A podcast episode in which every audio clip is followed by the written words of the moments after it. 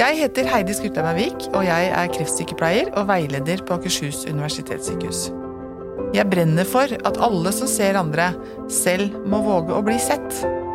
For menneskemøtene, de er spennende. Dette er Helhjerta. Barnet har rett på kjærlighet. Greier fosterforeldre å åpne hjertet sitt og gi kjærlighet når de ikke vet hvor lenge de får beholde barnet? Dette her er eh, et sitat fra en artikkel som eh, min gjest her i dag har skrevet. Og gjesten min, det er Grete Findal. Velkommen hit til Helhjerta. Takk for det. Du er eh, leder du i noe som heter Støttepilar. Mm, det stemmer. Ja, og jobber med fosterforeldre. Ja. Fortell litt om det. Ja, jeg kan fortelle litt om hva støttepilar er for noe. Ja. For det er jo litt nytt. Eller det er helt nytt, Det er helt nytt, ja. ja. det er det. Eh, Støttepilar er et sånt prosjekt som kom i gang fordi det kom en ny barnevernreform. Eh, Og den reformen sa noe om at ja, staten skulle overføre en del oppgaver til kommunene, som staten har hatt for fosterhjem. Og så er jo jeg så heldig at jeg jobber i noen kommuner som virkelig tenkte at ja, fosterhjem, de må få noe. De må vi De skal jammen få noe mer enn bare litt. De Ja, må få noe. De trenger masse. Eh, og det Derfor så ble vi liksom lag, derfor ble Støttepilar lag som et prosjekt i første omgang, da. Ja. Jeg, jeg vil gjerne si hvordan kommunene det er, for jeg er så Ja, stolt det er av det. Jeg, jeg blir så stolt av det.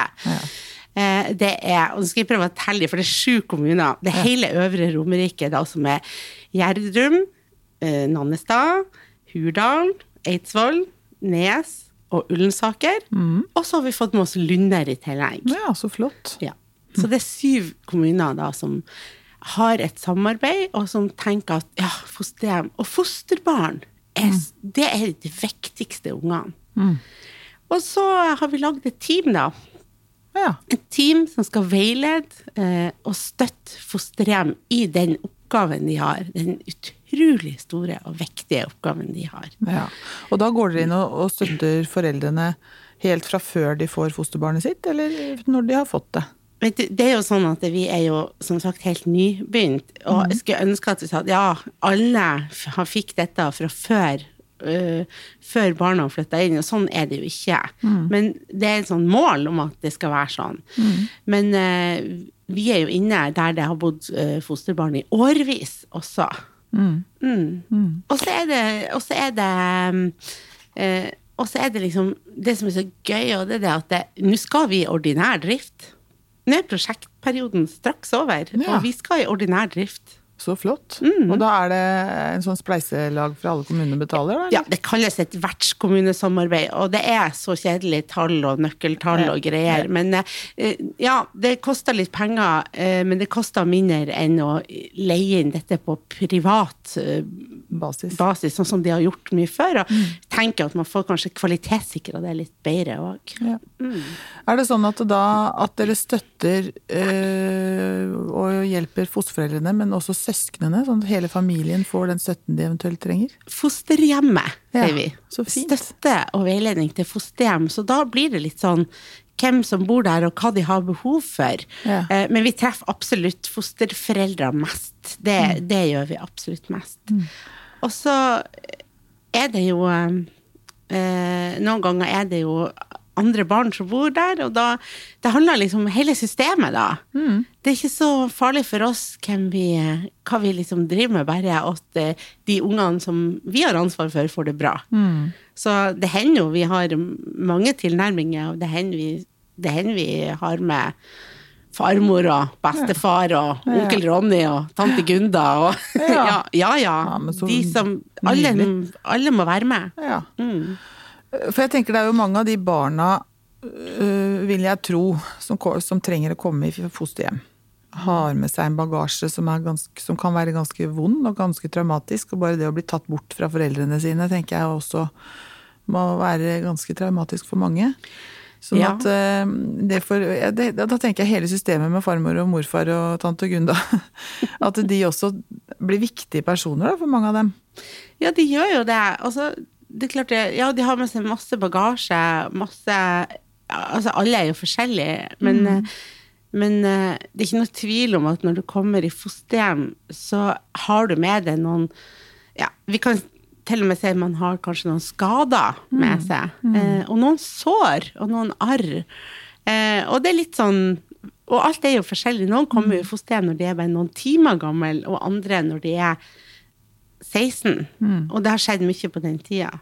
Og så er det jo mange som flytter mange ganger, og så er det jo mange som Ofte så er det jo beredskapshjem først, og så skal man jo ikke bo der så lenge. Men eh, Men det blir vel ganske lenge for mange? ja, man bor kjempelenge. Det er, det er stor lang kø til fosterhjem, og man skal finne riktig plass. Ja. Så dessverre så er det veldig mange som flytter flere ganger. Men, men du, dere i Støttepilar, dere jobber først og fremst som hjelperen til hjelperne. Altså dere er hjelperen til fosterfamilien. Ja, det syns jeg er så egentlig- fint å være Ja. hjelperen til hjelperen. Ja. Ja. si litt mer om hvorfor det er så fint. Nei, jeg syns det er så bra, fordi at det, det handler om Vi har jo en sånn her valgspråk sammen om oppgaven. Ja. Og det handler litt om at vi ser det at gjennom mange år og mye så har fosterforeldre opplevd seg ganske alene i den oppgaven. Og så er det jo ikke noe tvil om at lista ligger fryktelig høyt for å plassere et barn ut av familien sin, og det skal ligge høyt. Men det, de betaler også en høy pris. Så de ungene kommer og har med seg veldig mange mange ting som er vanskelig, da. Vanskelig å hjelpe dem. Og da må man være flere om oppgaven. Så ja, jeg syns det er fint å hjelpe hjelperen. For de ungene, de har ofte Det er utrolig mange som skal treffe de ungene. Ja. De er så lei av det ofte. Ja.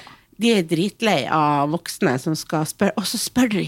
Og spør og spør og spør, og det er kontaktpersoner fra barnevern, og det er tilsynspersoner, og så er det talspersoner, og det er ikke måte på hvor mange du er nødt til å snakke med. Så derfor syns jeg det er viktig å hjelpe de som skal hjelpe de, sånn at de slipper å ha så enda flere inn.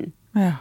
Men at vi kan hjelpe de som faktisk Ja, altså jeg så syns det er så fint, det. Å hjelpe de som hjelper de. Ehm, og du har jo ganske sånn stor bakgrunn, ehm, du da, Grete, på å hjelpe hjelperen.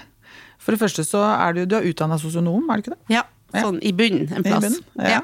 Og så har du jobba i mange mange år som saksbehandler i barnevernet. Ja, du har jobba nært barnet før. Jeg har, jobbet, ja, jeg har også jobba Mm. på institusjon, helt, helt nært barn, i mange, mange år. Og så har jeg jobba i mange år som kontaktperson i Ja, barnevern. Mm. Um, og så er det kanskje den aller største lærdommen du har til at du, og bakgrunnen du har til at du kan være en god hjelper i dag, det er at du sjøl var fosterbarn. Ja, og det har jeg Det er så rart når du sier det, fordi at det, det er på en måte litt sånn nytt for meg at det var viktig. Men jeg har jo skjønt det i noen år nå, at det er kjempeviktig. Det er jo det som har gjort meg til den jeg er. Bruker å si, Det er litt sånn drivkrafta mi. At jeg sjøl har jeg sjøl har vært der, jeg sjøl vet en del om hva det vil si, eh, og tar gjerne det perspektivet litt òg i veiledning. Eh, med all mulig ydmykhet i forhold til at alle situasjoner er forskjellige. Men det hender jeg bruker å si til noen fosterforeldre nå skyter et fosterbarn i hjertet. Når de sier noe som jeg syns er vanskelig å forstå. Ja. Mm. For det kjenner jeg litt på. At, ja, nå treffer du liksom fosterbarn, Grete. Mm. Ja, for det er noe med den sårbarheten som, eh, som man bare kan kjenne til når man har opplevd noe ordentlig på kroppen. Mm. Og jeg tenker den realkompetansen der er ganske viktig. Ja, jeg syns den er det. Jeg har liksom tenkt at den er det. Vi snakker om personlig egnethet. Ja. Og ligger den ikke litt i det, i det landskapet? Den, det man sjøl har opplevd. At man selv har opplevd noe. Så det betyr ikke at man må ha opplevd noe for å være en god hjelper, men, men det hjelper kanskje litt. Ja, hjelper litt. Når du sier hva, at man kan si noe som skyter et fosterbarn i hjertet, kan du si et eksempel på hva det kan være? For man Eh. mener jo ikke å skyte noen i hjertet, og så sier man ting i beste mening, og så blir det helt feil. Mm, ja. ja, det kan for eksempel være en sånn ting som Hvis man er litt sånn lite sensitiv, sånn som Jo, jeg skjønner at han egentlig vil at han egentlig vil ha en klem eller noe sånt noe. Men han vil ha det hele tida, og det, han må venne seg til å ikke få klem bestandig. Oh, ja. Mm. Og, det, og sånn er det er jo litt sannhet i det. Eh, men det fins mange klemmer. Mm. Det fins fysiske klemmer, og så fins det psykiske klemmer. Ja. Det er mange måter å få klem på, er det Ja. ikke det? Jo. Så nå må jeg liksom være litt sånn sensitiv for at eh, Ja, det å sitte på fanget og bære klem hele tida kanskje ikke er Kanskje du ikke får utvikla det så masse da, men kanskje du kan få en liten sånn psykologisk klem. Det er ikke sant. Mm. Det handler om å bygge opp en sånn tillitsbank her, da, tenker jeg. Vise at du er til å stole på for det barnet som, som trenger den tilliten. Mm. Ja. Over tid. Over ti å, tid. Å, så bra du sier det. Altså, for jeg bruker å si, det er ett ord som gjelder for fosterforeldre. Det er tålmodighet. Og så er det ett ord som gjelder for alle andre rundt, og det er forståelse. Mm.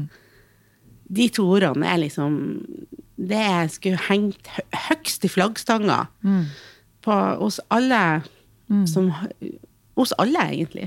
Fosterhjem trenger tålmodighet og forståelse. Og så tenker jeg at å være fosterforelder må jo også være såpass utfordrende noen ganger at, at eh, man kan feile. Eh, for det er, jo ingen som er, det er jo ingen som er feilfri. At man går på en smell. Og det er da dere er der. Ja, og er det en ting man gjør med unger som er traumatisert, og som kommer med litt sånn skader og sånn, er det en ting man gjør, så er det å feile litt. Men det gjør egentlig ikke så veldig masse, så lenge man klarer å reparere det og fikse det litt. Det går an å reparere veldig masse. Og så, ja, litt feiling. Eh, men hva er egentlig å feile? Eh, og man vil gjøre det. Man vil feile litt. At man kan Man høres vil- litt sintere ut enn man egentlig mener når man ikke skulle ha vært sint, f.eks. Så tenker jeg det kan jo oppleves som en ganske stor, et stort overgrep hvis du som fosterforelder gjør det. Mm. Vil jeg tro. Og så er det jo egentlig en ja. Ja, og så kan man til og med være så god at man skjønner det, at det her barnet tåler ikke at jeg er sint. Mm. Så derfor så kan jeg ikke være det. Altså, ei bestemor sa til meg, det var så gøy, hun sa det. Um, ja, hun sier, bestemor, du er sint, og hun sier, nei, jeg er ikke sint. Men bestemor, du er sint. Nei, jeg er ikke sint. Men bestemor, ser du er sint, du er sint. Nei, nei. Men jeg er jo dritsint inni meg, så. Ja, så de ser det likevel. de Ja, man ser det likevel. Åh, jeg, tror- jeg blir så irritert for at ja, jeg er litt sint, men jeg, jeg, jeg prøver å være flink, da. Jeg prøver å være god, dyktig og god, og den gode, liksom. Men jeg klarer ikke å skjule det, da, tydeligvis. Så. Nei, nei. Og hva sier du da? Ja, nei, men sånn er det, og kanskje man skal si at ja, jeg blir litt sånn sint, men jeg er ikke sint på det. Sant? Og så bruker vi noe jeg veileder veldig mye om, det er timeout. Og jeg tror på timeout med hele meg, men ikke for unger. Nei. Bare for voksne. Det er bare voksne som trenger timeout. Ja. Så når du kjenner at du er litt sånn utafor Utafor eh, Du begynner å bli litt forbanna, litt sint, litt irritert. Utafor komfortsonen? Ja, litt sånn utafor at du begynner å nærme deg ditt eget toleransevindu sitt. Ja. Så, så kan det være lurt å gå seg en tur. Ja. Eh, få litt luft i panna. ja. Eller var noen som fortalte meg på en sånn gruppeveiledning har vi, vi har smågodt i et skap. ja. På en tirsdag så er det å hive i seg en par colasutter, og så er du liksom good to go igjen. ja. Mm. Men det å ha litt time out for seg sjøl.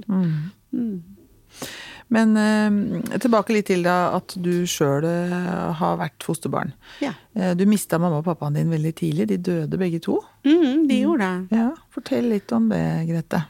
Eh, ja, mora mi døde når jeg var elleve år. Helt sånn brått. Kjempebrått. Eh, og da eh, var det meg og søstera mi og pappaen vår igjen. Eh, og vi eh, halta oss nå igjennom litt sånn livet. Eh, det var, og masse forandringer. Og mamma var kjempegod å lage mat, og pappa var veldig god å lage pannekaker. Det tok noe. Vi åt mye pannekaker en periode. Um, og så plutselig så døde faren vår så ett år etterpå. Også helt sånn brått, helt uventa. Uh, og da rasa det litt uh, i grunnmuren min. Datt litt sånn bort. Mm. Ja. Og da måtte jo Så da var du tolv år. Da var jeg tolv år. Og søsteren din var Hun var 12-13-14-15, så hun er tre år eldre enn meg. Mm. Og da bodde dere aleine en stund? Nei, da flytta vi til besteforeldrene våre. Til mormor og morfar. Da ble det bestemt at det var liksom de vi skulle bo hos. Og så øh, Ja, så bodde vi her en stund. Øh, Det er jo sånn i Nord-Norge, jeg kommer fra ei lita øy, så når du er ferdig med niende, eller tiende nå, men det var niende da, så hvis man skulle noe annet enn å gå vanlig videregående, så måtte man jo bort Da flytta man bort og bodde på hybel og sånn, ganske langt unna. Det gjorde søstera mi, da. Oh, ja, Så så hun hun også flytta- flytta samtidig? Så hun flytta bort og bodde på hybel da etter ca. et år. Mm. Og så, så vi har liksom ikke bodd i lag så masse siden da. Men jeg bodde hos eh, besteforeldrene mine uh, en periode. Mm, og da eh, Hvorfor kunne du ikke bo der videre? Nei, fordi at um, bestemora mi ah, Jeg jeg er helt sikker på at, at hun hadde en eller annen diagnose. At hun var nok sikkert bipolar. Ja. Men vi skjønte ikke da. Vi var bare hun mormor er sjuk, eller hun mormor er frisk igjen. Det var liksom sånn Ja. det gikk. Eh, sånn at det i um, Og så var hun veldig, veldig lei seg. Hun hadde mista dattera Ja, si Gud og hadde litt sånn dårlig psykisk helse. Og vi bodde, de bodde litt sånn til at eh, eh, det gikk jo buss, men ikke buss til alt. Så for at jeg skulle få være i speideren, eksempel, så kjørte bestefaren min åtte kilometer én vei for å hente meg på speideren i traktor. For de hadde ikke bil. og så henta han meg i traktor Ja. på kvelden, og så satt jeg bak i hytta med, på et saueskinn. Ja. Eh, og så kjørte vi hjem. Og det er ganske langt å kjøre 80 km på ja, traktor, Gud, og han kjørte jo dobbelt. så, eh, så det gikk ikke å bo der lenger, rett og slett, for hun ble så kjempedårlig, og, og han De var jo gamle, ikke sant, og han Så det, det funka litt dårlig, rett og slett. Og da var det, ble det i hvert fall bestemt at jeg skulle flytte til min onkel og tante. Ja. Mm, Så du kjente de godt fra før? Ja, jeg kjente de fra før. Så, mm. Men eh, allikevel, altså. Det er veldig forskjell på å kjenne noen og å bo hos noen. Ja, det er klart. Det er ganske stor forskjell. Det er, alt lukter annerledes, og maten smaker annerledes, og reglene er annerledes. Alt var liksom Det føltes veldig rart å bo der. Ja. Hva gjorde det med deg? Ja, jeg, jeg lurer på hvordan, eh, hvordan de ville beskrevet meg, og hvordan jeg beskriver meg. Jeg tror jeg er ganske forskjellig. for at eh, jeg hadde det kjempevanskelig. Jeg hadde masse strev inni meg, men jeg tror jeg drev med noe sånn tilpasningsprosjekt. Ja. Prøvde å smile meg litt gjennom det. ja. Kanskje de syntes jeg var vanskelig. Det vet jeg ikke. Nei. Jeg håpa nesten de syntes jeg var litt vanskelig, for jeg følte det litt vanskelig. Ja, gud og meg, du hadde jo mista mamma og pappa, og søsteren din flytta ut, og mm. så flytter du til mormor og morfar, og så blir det vanskelig, og så mister du på en måte de også. Og Ja. så, så det var jo masse tap, da. Vel, ja, veldig mange tap. Jeg var, eh, følte meg ganske sånn sunnrevet Ja. inni meg. Og så var det jo ikke vanlig Vi snakka jo så lite med unger i den tida. Ja. Eh, og det ble snakka veldig lite med meg. Og så Jeg kommer fra ei lita øy. Mm. Jeg kommer fra Hamarøy, som er en kjempevakker plass, Mm. men veldig liten. Eh, og jeg følte liksom at når jeg gikk på butikken, så Der kommer hun! Mm. Liksom at jeg følte meg så sett på mange måter, uten å føle meg sett på, en god, måte. Mm. Jeg vet ikke helt hvordan jeg skal forklare det. Jeg følte liksom at um, mm. det ble, ble utskudd, Det ble liksom måte. hviska litt Ja. rundt meg. Ja. Ja. Mm. Og så bodde jeg nå hos den tanta og onkelen, og, og Men jeg hadde egentlig helt sånn ok der, faktisk. Mm. Uh, men så ble det bestemt at jeg ikke kunne bo der lenger. Hva skjedde? Ja, eh, det lurer jeg egentlig òg på, Heidi, for jeg har aldri fått det helt forklart. Mm. Men hun ble gravid med nummer tre, sånn at de skulle få et, en, et baby. Ja. Eh, og kanskje var det det.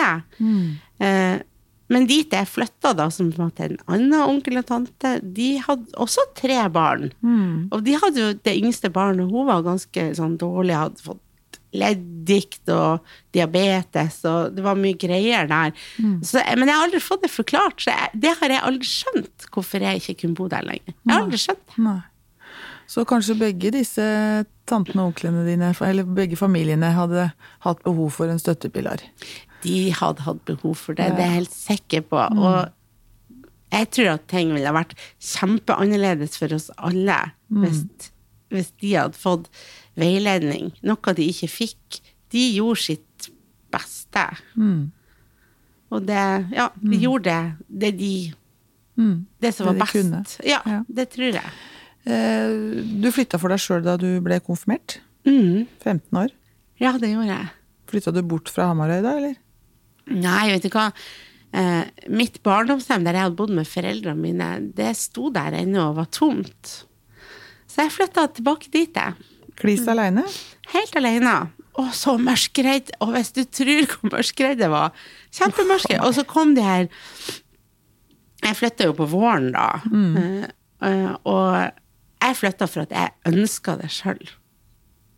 Jeg, jeg fikk ikke til det der fosterhjemsbiten i det hele tatt. Og så ba jeg om å få flytte. Og så trodde jeg jeg kommer til å få nei. Og så fikk jeg ja med en gang. Ja. Uh, som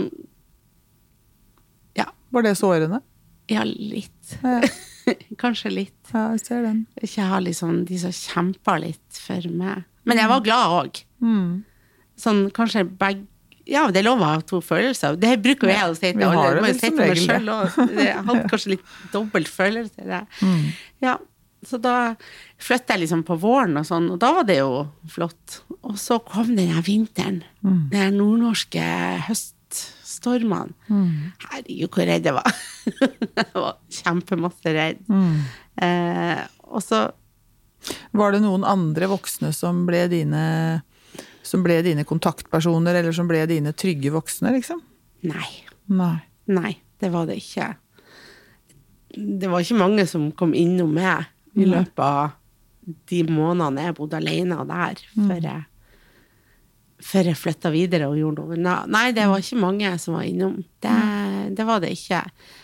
Flytta du nærmere søstera di etter hvert, da, eller?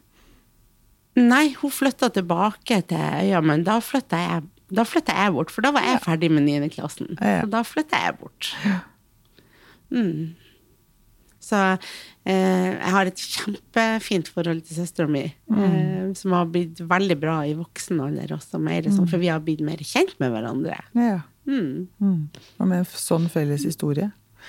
Eh, bestemte du deg for da du var så liten, skulle jeg til å si, at du skulle begynne å jobbe med barnevern?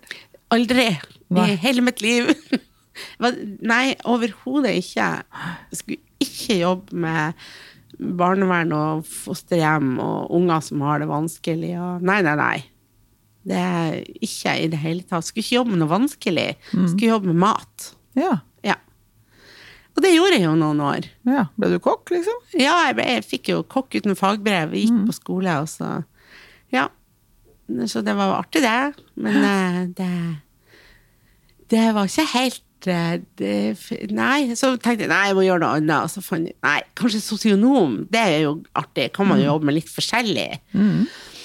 Eh, og så har jeg på en måte ikke hatt noe valg etter det. Jeg føler, jeg føler virkelig at ting har valgt meg. Og så har jeg jo blitt fryktelig engasjert. Ja. ja. si. Nå elsker jeg jobb. Jeg Verdens beste jobb. Ja. Tenk å få jobbe med bare med å veilede og hjelpe og støtte fosterfamilier, som er altså så mye fine opplevelser, og så mye lærdom. Deler du med, med familiene at du har vært der selv? At du har en helt egen, egen kompetanse på det? Ja, jeg gjør det nå, men jeg har bare gjort det noen par år. Ja. Ja. Og jeg aner ikke hvorfor jeg ikke har gjort det før. Eh, eh, kanskje for at det, det var noe jeg måtte gjøre litt ferdig. Og så kanskje for at er liksom Det var litt vanskelig å balansere det her med å være personlig og privat. Eh, måtte liksom ha litt hjelp til å finne ut hva er hva her.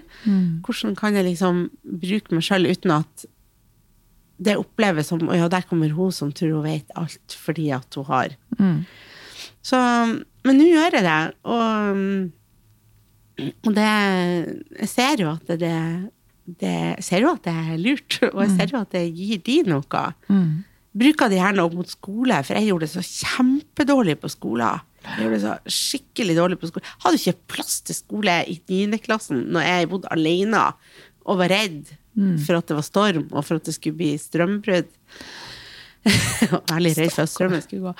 Eh, men eh, eh, Og det å forklare liksom at fra det til å faktisk eh, noen år etterpå, når jeg fikk det litt mer trygt, kunne ha Kunne ha Altså, jeg fikk seks i matte når jeg tok artium på ett år. Oi.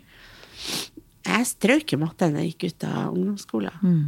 Det sier ganske mye, det. Ja, for da hadde jeg på en måte Og mitt liv Jeg har trygghet, og herlighet. Trygghet er det største ordet i verden. Ja. Og da tenker jeg da Jeg tenker på dette her med til, behovet vi har for tilknytning og tilhørighet og sånn, som er så viktig for at vi skal kjenne på et velvære i det hele tatt, og, mm. i livet. Eh, Så ble jo du revet opp fra det som var trygt og godt. Du har jo vokst opp fram til du var elleve år med trygghet og med et godt barndomshjem. Mm. Eh, og det har vel vært en, eh, en viktig, et, et viktig sånn grunnmur for deg, fundament for deg, sikkert? Mm, ja, absolutt. Det kjenner jeg jo at det, det har jo vært Det er jo kjempeviktig. At eh, jeg har fått så mange gode år. Men samtidig så ble alt det revet bort på veldig kort tid. Eh, hva, hva har det gjort med deg i voksen alder eller tidlig voksen alder, eller sånn, i forhold til det å våge å knytte seg til mennesker, andre mennesker? Um, det Jeg har vært så heldig, da, at jeg traff jo kjæresten min da jeg var 17 år. Han som ennå er kjæresten min. Ah, ja. Um, og han Kaja har vært Det har vært min støttepilar gjennom alt. Men det tok litt tid. Jeg tror nok at han kan huske at jeg lå og holdt han i handa om natta hver natt i årevis. For jeg har hatt så mye mareritt om natta. Sånn at jeg, han, har, han har nok brukt mye eh, Ja, han har vært en god støttepilar for meg, kan du si. Bautaen din. Ja, han har det. Og ellers så er jo jeg veldig glad i mennesker. Um, men det er ikke så mange jeg, jeg har veldig god kontroll på hva jeg deler, og, hva jeg, mm. og hvor langt inn jeg slipper noen. Ja. Eh, For eh, det skal ikke så langt inn for at det er ganske sårbart. Ja. Mm, det er det. Og det er så naturlig, tenker jeg. Når man har hatt så mange tap. Og det er mange, mange ulike tap man kan ha som gjør akkurat det der. Altså at vi setter opp et sånt forsvar. Ja, jeg tenker det at det Du kommer hit og ikke lenger, liksom. Ja. Jeg jobber litt med det der for å liksom prøve å i hvert fall være litt klar over det sjøl, da. For det er også ikke helt skjønt. Ja. Så flott at du deler historien din. Tusen takk for at du gjør det. Jeg tenker det er så mye læring i å høre, høre en sånn historie, og så samtidig høre hvor bra det kan gå. ja, for jeg føler jo at det er på en måte er en sånn en historie som At det har gått bra. Jeg føler at det har gått veldig bra med meg. Ja. Jeg er veldig fornøyd med hvem jeg har blitt. Jeg er veldig fornøyd med hvordan, hvordan det ble. Ja, så fint. Vi starta med et sitat eh, om at barnet har rett på kjærlighet, men greier fosterforeldre å åpne hjertet sitt og gi kjærlighet når de ikke vet hvor lenge de får beholde barnet? Det syns jeg er ganske interessant. eh, For både barnet og familien sin del. Eh, Fordi alt er midlertidig nå. Det er ikke noe faste fosterhjem. og det er ikke, altså, det, Alt er, heter seg at det er midlertidig, er det ikke sånn? Det er sånn, og så er det jo ennå sånn at noen har bodd så lenge i fosterhjem at det blir så viktig at man liksom bestemmer at da er det det som er eh, At du har fått så sterk tilknytning at, at det, det har en så stor verdi. Ja. Men eh, nei, det er mye midlertidighet nå.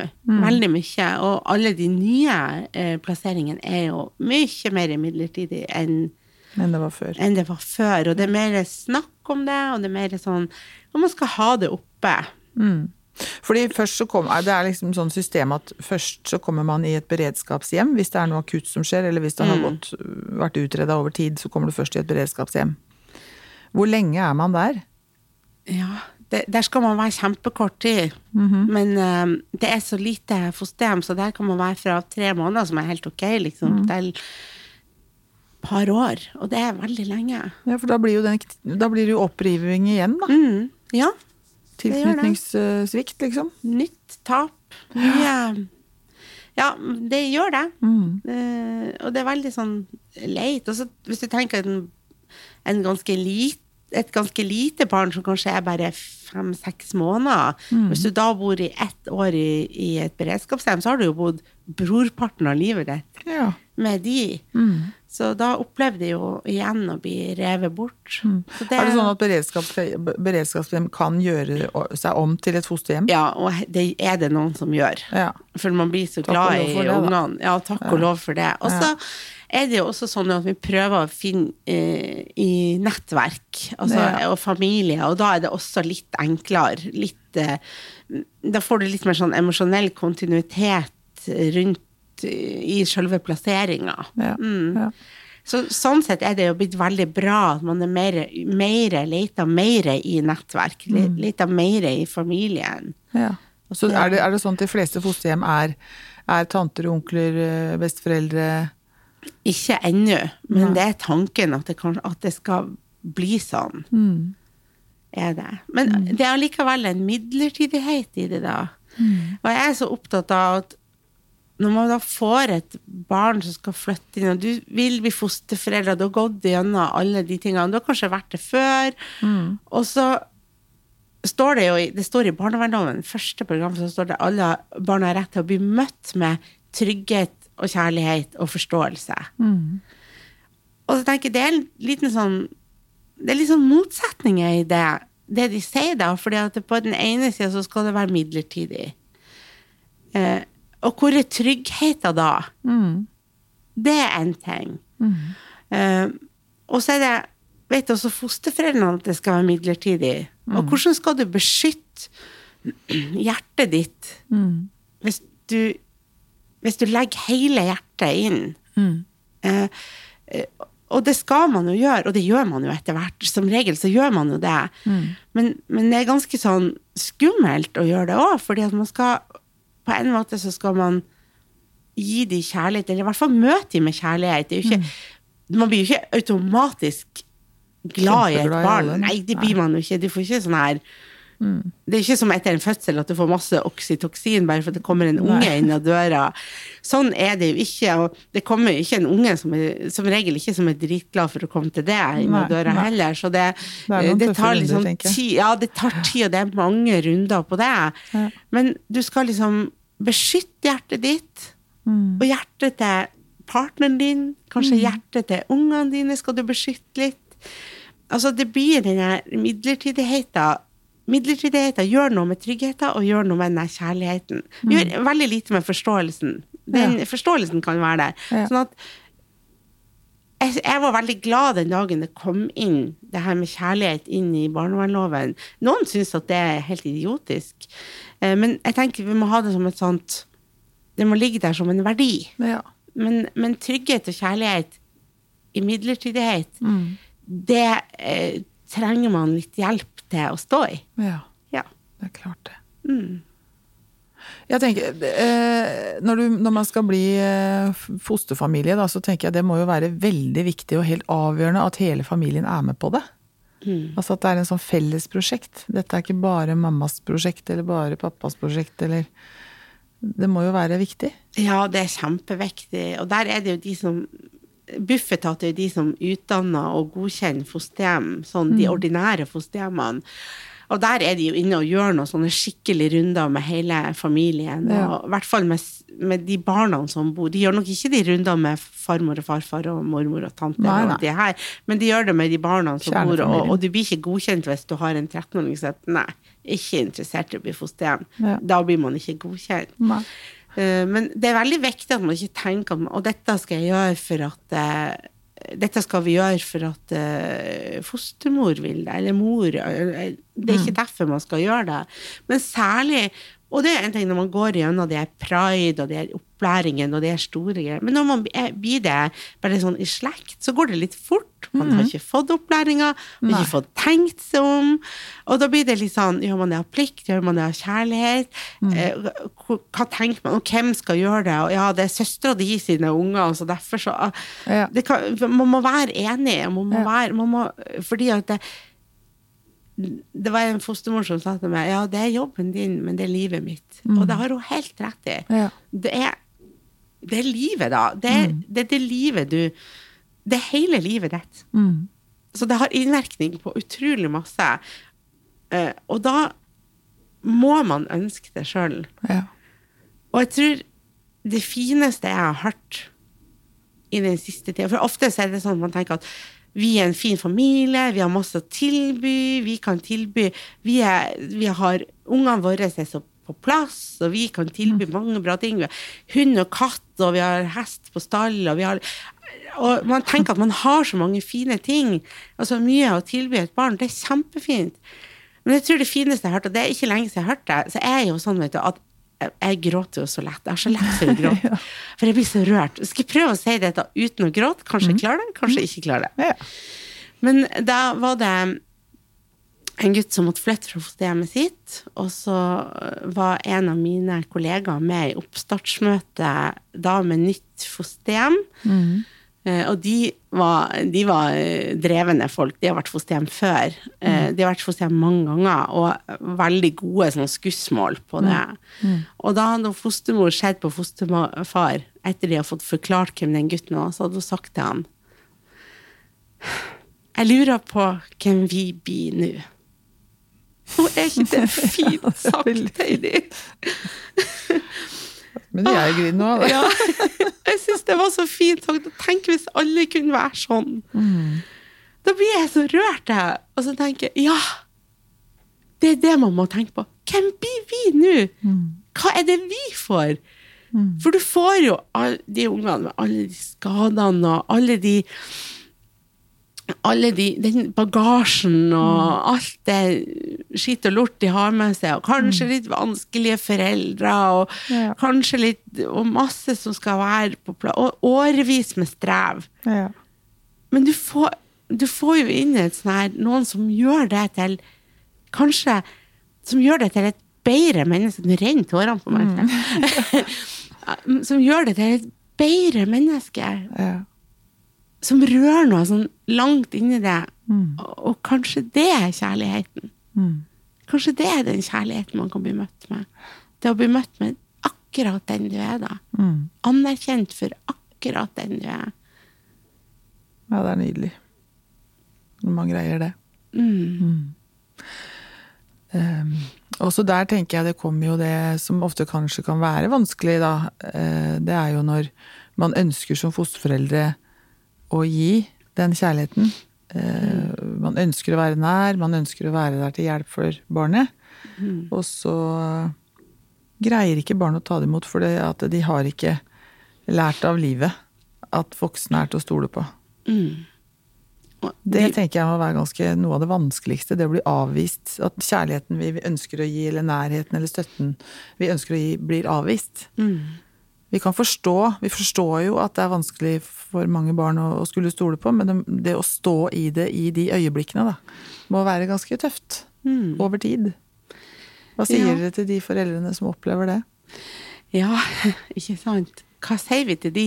Fordi at dette er helt vanlig. Mm. Man opplever det. Man, man eh, gir masse, mm. og, så, og så har det ingen effekt. Tror man. Og da må vi se på det i et lengre løp. Mm. Da må vi For dette er ikke komplisert i det hele tatt. Dette er helt komplekst. Mm. Så vi, altså svaret kommer etter hvert. Mm. Altså, det blir et svar på det, og det kommer litt fram i tid. Eller man kan se seg langt tilbake mm. for å se hva var det egentlig som skjedde her. Og, mm. hvor, og hvorfor er det sånn? Og det å få i veiledning så ligger det på en måte tre sånn store begreper. Det ligger verdier, og så ligger det kunnskap, og så ligger det ferdighet. Mm. Det er liksom tre verdier som ligger i veiledning. Og her handler det om å få litt sånn kunnskap. kunnskap om hva er det, hva er det egentlig eh, Hva er det egentlig vi ser, og hvordan kan vi forstå det? Og da må vi Vi går helt inn i vi går helt inn i sånn her Hva er hjernen, og hvordan er den bygd opp? Ja, så bra. Og det må vi gjøre på en måte. Så derfor så er det mange ulike tilnærminger du kan få når du får støttepilar på døra, liksom. Ja. Du kan få en sånn gruppeveiledning som heter Trygg base. Du kan få kurs som heter Traumabasert omsorg i fosterhjem. Som er, da er vi sammen i over et år. Du kan få individuell veiledning. Du kan få noe som heter PMTO, KOSP Det er utrolig masse. Alt er liksom sånn skreddersydd For hver familie. for hver familie. Utenom selvfølgelig så må det være sånn her Når vi har et kurs, så er det kurset som, som gjelder. Men da er det kunnskapspåfyll. Da er det liksom de kursdagene er satt, og så må du komme på det, liksom. Men noen har begge deler. De har både kurs en gang i måneden, og så har de individuell etter hver 14. dag, eller sånn en gang i måneden, sånn at man møter hver 14. dag. Ja, sånn så at det blir skreddersøm rundt det. Det- Og hvis de står i en akutt situasjon som er kjempevanskelig, så kan de ringe dere, liksom, eller? Ja, nå er det sånn at det er eh, kommunene våre, barnevernstjenesten her, som henviser. Eh, og de henviser oss til, til eh, Eller de henviser fosterhjemmene sine til oss. Og så, så det er de som liksom slår oss på. Og så, når de først er under våre vinger, da er de våre. Da, kan de, gjøre- da, da det, står døra ganske åpen. Ja. Men det er klart, vi er, vi er tre personer, Ja. så vi er ikke så mange. Nei. Dere er tre personer i teamet deres. Ja. Si litt hvem dere er. Ja, altså jeg har jo tenkt det at når vi skulle bygge opp det her, så skulle vi ha et team som var litt bredt. Og det handler om at fosterhjemsfeltet er man er ikke et smalt felt i det hele tatt. Det er Alle ungene er forskjellige, alle fosterforeldrene er forskjellige, alle trenger forskjellige ting. Alle har forskjellige ting de har behov for. Noe er likt, men mye er forskjellig. Så det jeg ønska meg, det var et team hvor at vi alle hadde bakgrunn fra barnevernsfeltet, sånn at vi visste litt hva vi snakka om. At vi kunne svare litt på de der um, ja, de, de mer sånn systemiske spørsmålene, at de, vi vet litt hva det er. Men så ønsker jeg å ha en liksom bredde i det. Ja. Og dermed så har, er vi et uh, team med litt voksne folk. Eh, jeg har um, uh, en som heter Jan Finnvåg. Han er PMTO-terapeut. Hva for noe? PMTO. Hva, hva betyr det? Å ja, oh, gud, skulle ønske jeg kunne sagt det. Parent Management oh, ja. Training Oregon betyr Ja, det. Altså, ja. Det er sånn foreldreferdighets... Um, eh, Gud, så flott. Sånn kurs burde jo alle ha fått. ja, sånn kurs burde alle ha. Og så er det noen som, sier, noen som tror at det er sånn her for å lage masse regler for å være streng og konsekvenser. Eh, og så at det kan man ikke gjøre med traumatiserte barn. Men dette er, passer veldig godt til traumatiserte barn. For det er en sånn eh, sensitiv tilnærming til det. Mm. Så han driver med det. Ja. eh, Og da jobber han både med skole og med fosterforeldre. og ja, Ja. Og eh, hjelper de, gir de ferdigheter. Men han også driver med vanlig individuell veiledning og har en del kurs og, og gruppeveiledning på trygg base. Så han har, han har en lang CV. Eh, han er en voksen mann og har en lang CV. ja. Så bra. Og så har jeg en som heter Line Daa Løvstad, som er også Jeg har barnevern i bunn. Eh, og har jobba med litt forskjellig. Og jobba litt på skole, og det har vært kjempebra å ha med. Og så har hun um, jobba mange år i, som eh, i barnevernstjenesten med fosterhjem. Men så har hun en sånn superkraft som jeg har sånn superkraft. Hun har vært både beredskapshjem og fosterhjem. Ja. Og opplevd at hun hadde en fosterhjemssprekk, ikke sant. For det at det liksom ikke har gått helt Ja, Altså, ja. men Det, den fikk det ikke til sammen.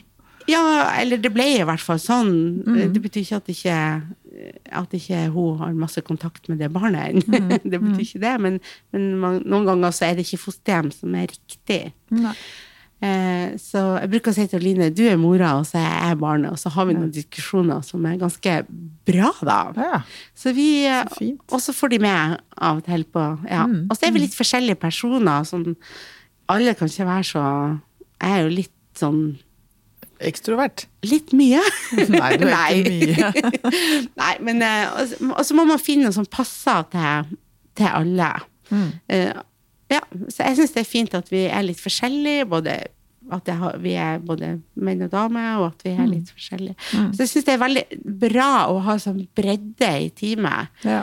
Eh, og det er veldig bra folk. Så, og de har, det vi har veldig til felles, er at hjertet vårt banker veldig hardt for det her. da. Ja, ja. Så, for vi skal jo, altså Målsettinga med støttepilar er jo å unngå at det skal bli en utilsikta flytting. Unngå en sprekk, da.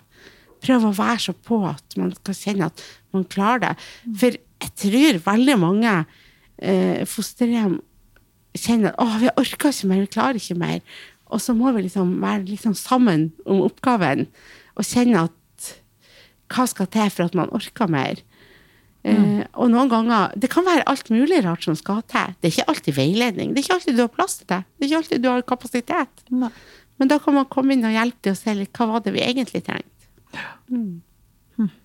Jeg tenker litt eh, når, når barnet har kommet til, eh, til en fosterfamilie, og, man, og så har de greid etter hvert å skape den, eh, det gode, gode fundamentet med at det er bra for barn å være der, og, osv. så videre.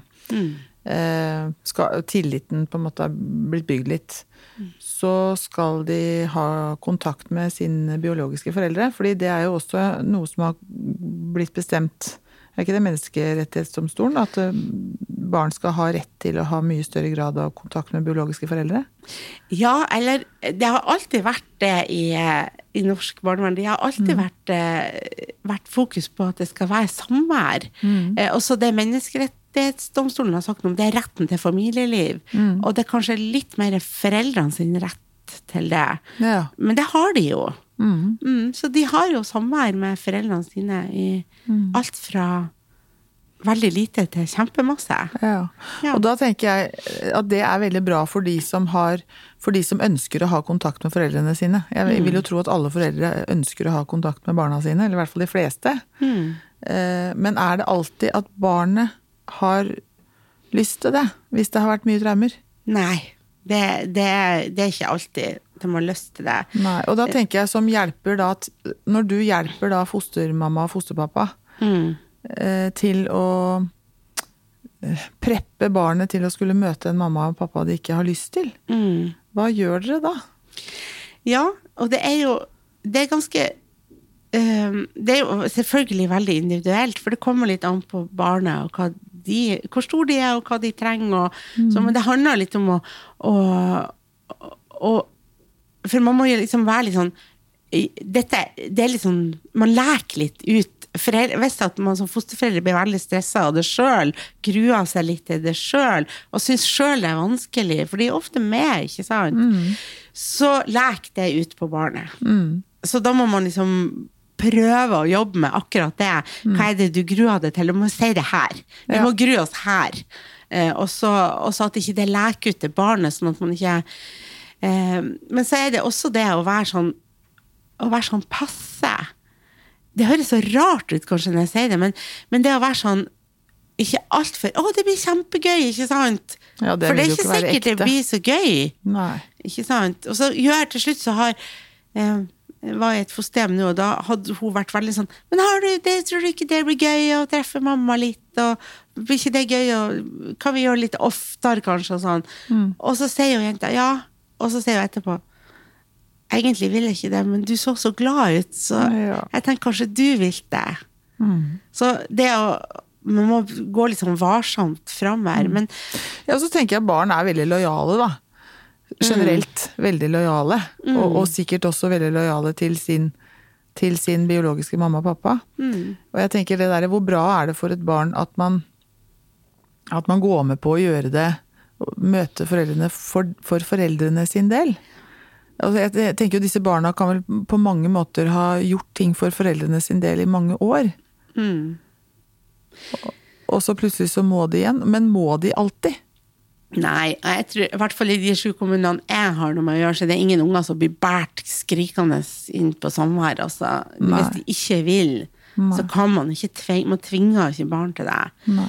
Men ehm, samvær kan også være veldig fint. Jeg vil bare si det. Samvær Ja, ja. kan også være veldig fint, men de gangene det ikke er det, eller de gangene eh, barn får litt sånn reaksjoner, og de reaksjonene blir veldig masse, Mm. eh, så får man så lite Hvis man har hvis man skal treffe eh, foreldrene sine, la oss si, seks ganger i året, som ikke er så veldig masse lenger, og du, har, du gruer deg i 14 dager, og så reagerer du i 14 dager, ikke sant?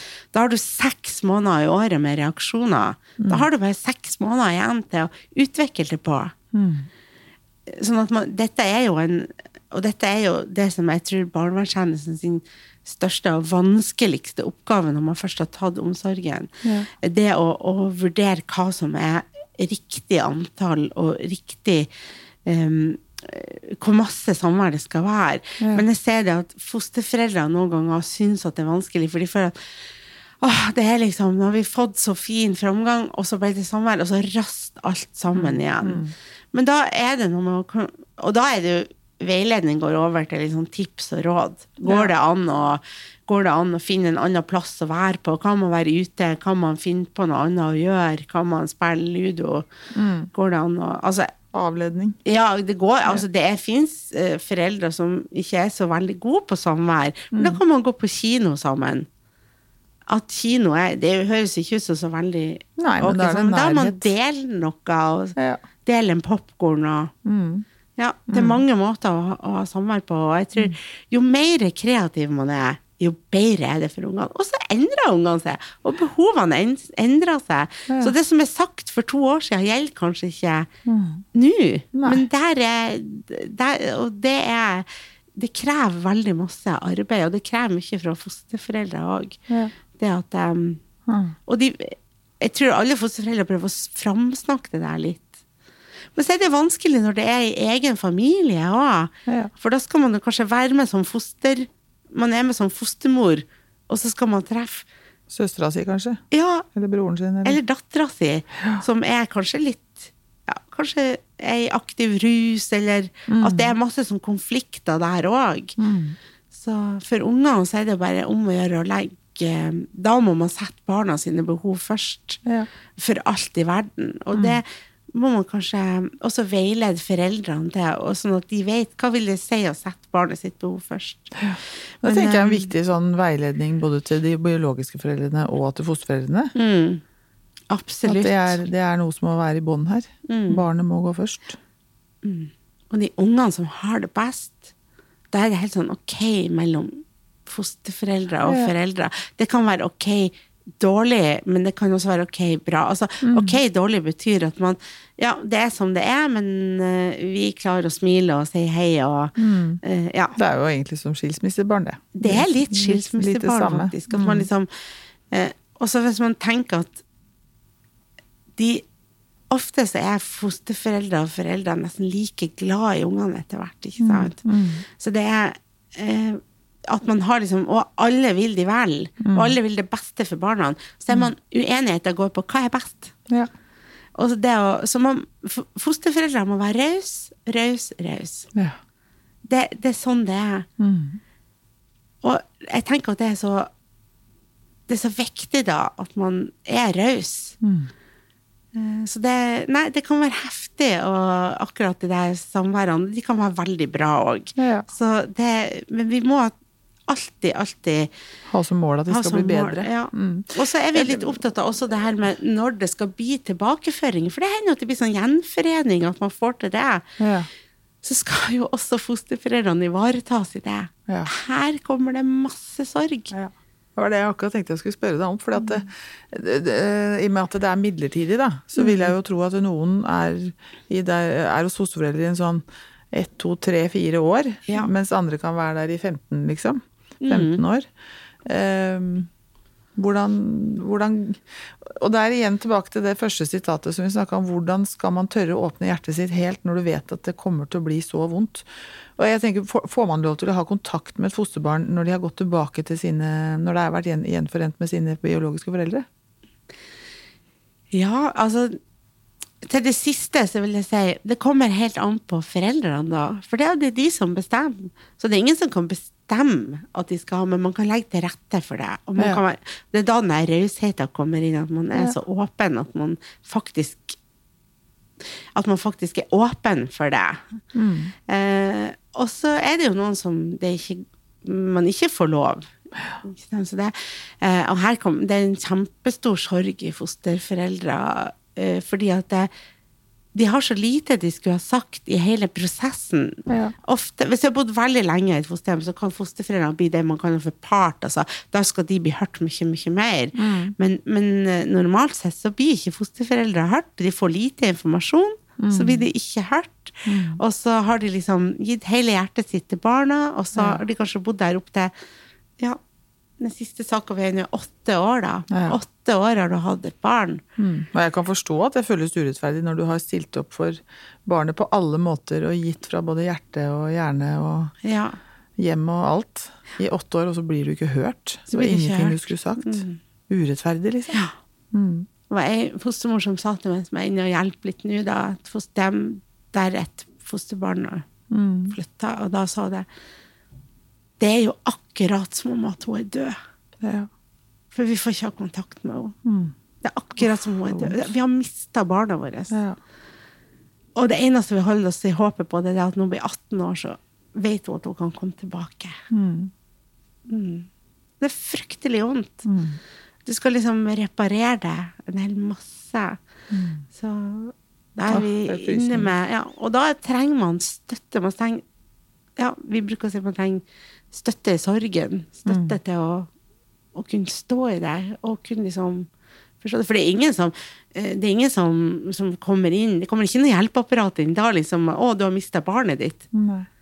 Det er ikke der. Men hva skjer med barnet når barnet kommer tilbake til, til biologiske foreldre? Eh, Får de, får de noe støtte over tid da, sånn at man hvor lenge, hvor lenge har de fagfolk med seg da, for å se at det går bra?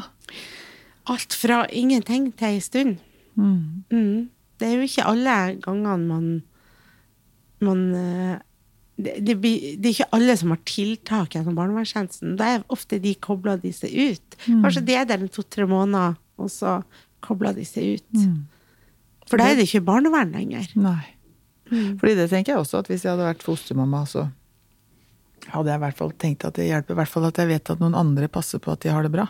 Mm. Men hvis ikke, de, hvis ikke de er sikre på det, så må jo det også være ganske heftig. Og så får de ikke vett noe. Nei. Mm. Så det er litt sånn eh, En ganske sånn stor og krevende eh, Det er ganske krevende, da. Eh, og så er det liksom Ligger ofte premiene dine ganske langt fram i tid. ikke sant? Både om, om du opplever at de flytter, eller at de blir. Ja. Mm. Og det tar tid å bygge tillit hos et barn som er traumatisert. Ja, det tar kjempelang tid. Og jeg hørte sånn utrolig fint, et sånn lite sånn eh, dikt som Eller dikt. Det var i hvert fall veldig fin takt. Det var Og her går jeg og bare gir og gir og gir og gir. Og gir aldri opp. Nei. Og det tenker jeg Det er det veldig mange fosterforeldre som jeg har truffet, som er i den kategorien. Og så er det sånne små endringer, små ting man trenger. Ja. Justeringer for at det skal bli kjempebra. Superbra. Ja. Mm. Skal Så så lite til. Utrolig hvor lite som skal til. Ja.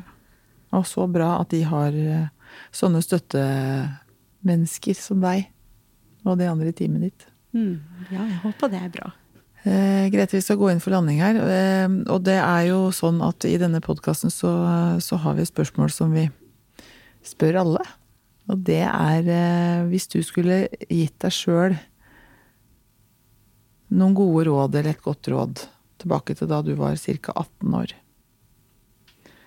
Hva Og du må gjerne ta før, altså tilbake til da du var ungdom. Hva skulle du tenke at Grete hadde hatt behov for å høre? Um, jeg skal gå enda litt lenger tilbake enn jeg var 18. Mm. Uh, når jeg var 14, Mm. Så hadde jeg hatt behov for å høre at det, dette kommer til å gå helt fint. Stol på deg sjøl, Mm. for du har full kontroll på livet ditt. Mm. Og du klarer det. Du tar gode valg. Noen dårlige, Mm. det lærer du av, Mm. men det kommer til å gå bra. Ja. Og det har det virkelig gjort. Du sitter her og stråler. og gjør en kjempejobb for så mange som sliter der ute, og som har hatt det kjempevanskelig. Og for de flotte hjelperne som hjelper dem. Jeg må bare si takk fra oss alle for at dere gjør den jobben her. Virkelig. Grete, masse lykke til. Du har jo mange prosjekter på gang. Ja, ja. Eh, blant annet med spisskompetanse til de som jobber i barnevernet, og dere jobber med ettervern for de som har bodd i fosterhjem, og fortsatt skal bo i fosterhjem, selv om de blir 18 år. Dere har masse på gang. Og masse lykke til med alle disse prosjektene, og med den kjempeviktige jobben dere gjør. Jeg håper at Støttepilar blir nasjonalt. For det håper dere vel, eller? Ja, det er vi eh, Hvis, det, hvis dette hvis noen, hvis noen har lyst til å gjøre det samme, så må de gjerne ta kontakt og få litt tips og råd. Vi er allerede mange som gjør det. Ja. Så eh, da Vi har egen hjemmeside, så du gå på hjemmesida, og så finner du oss. Mm. Mm. Støttepilar.no, eller? Ja. www.støttepilar.no. Mm. Finne kontaktinformasjon og det man trenger. Mm. Så hvis noen kan bli inspirert så, og tror at dette er en god idé, så er det bare å ta kontakt. Mm. Mm. Superbra. Tusen takk for at du kom hit, Grete, og fortalte om støttepilar. Takk for at jeg fikk komme. Dette brenner jeg for. jeg Ja, du virkelig brenner. Det er veldig gøy å se.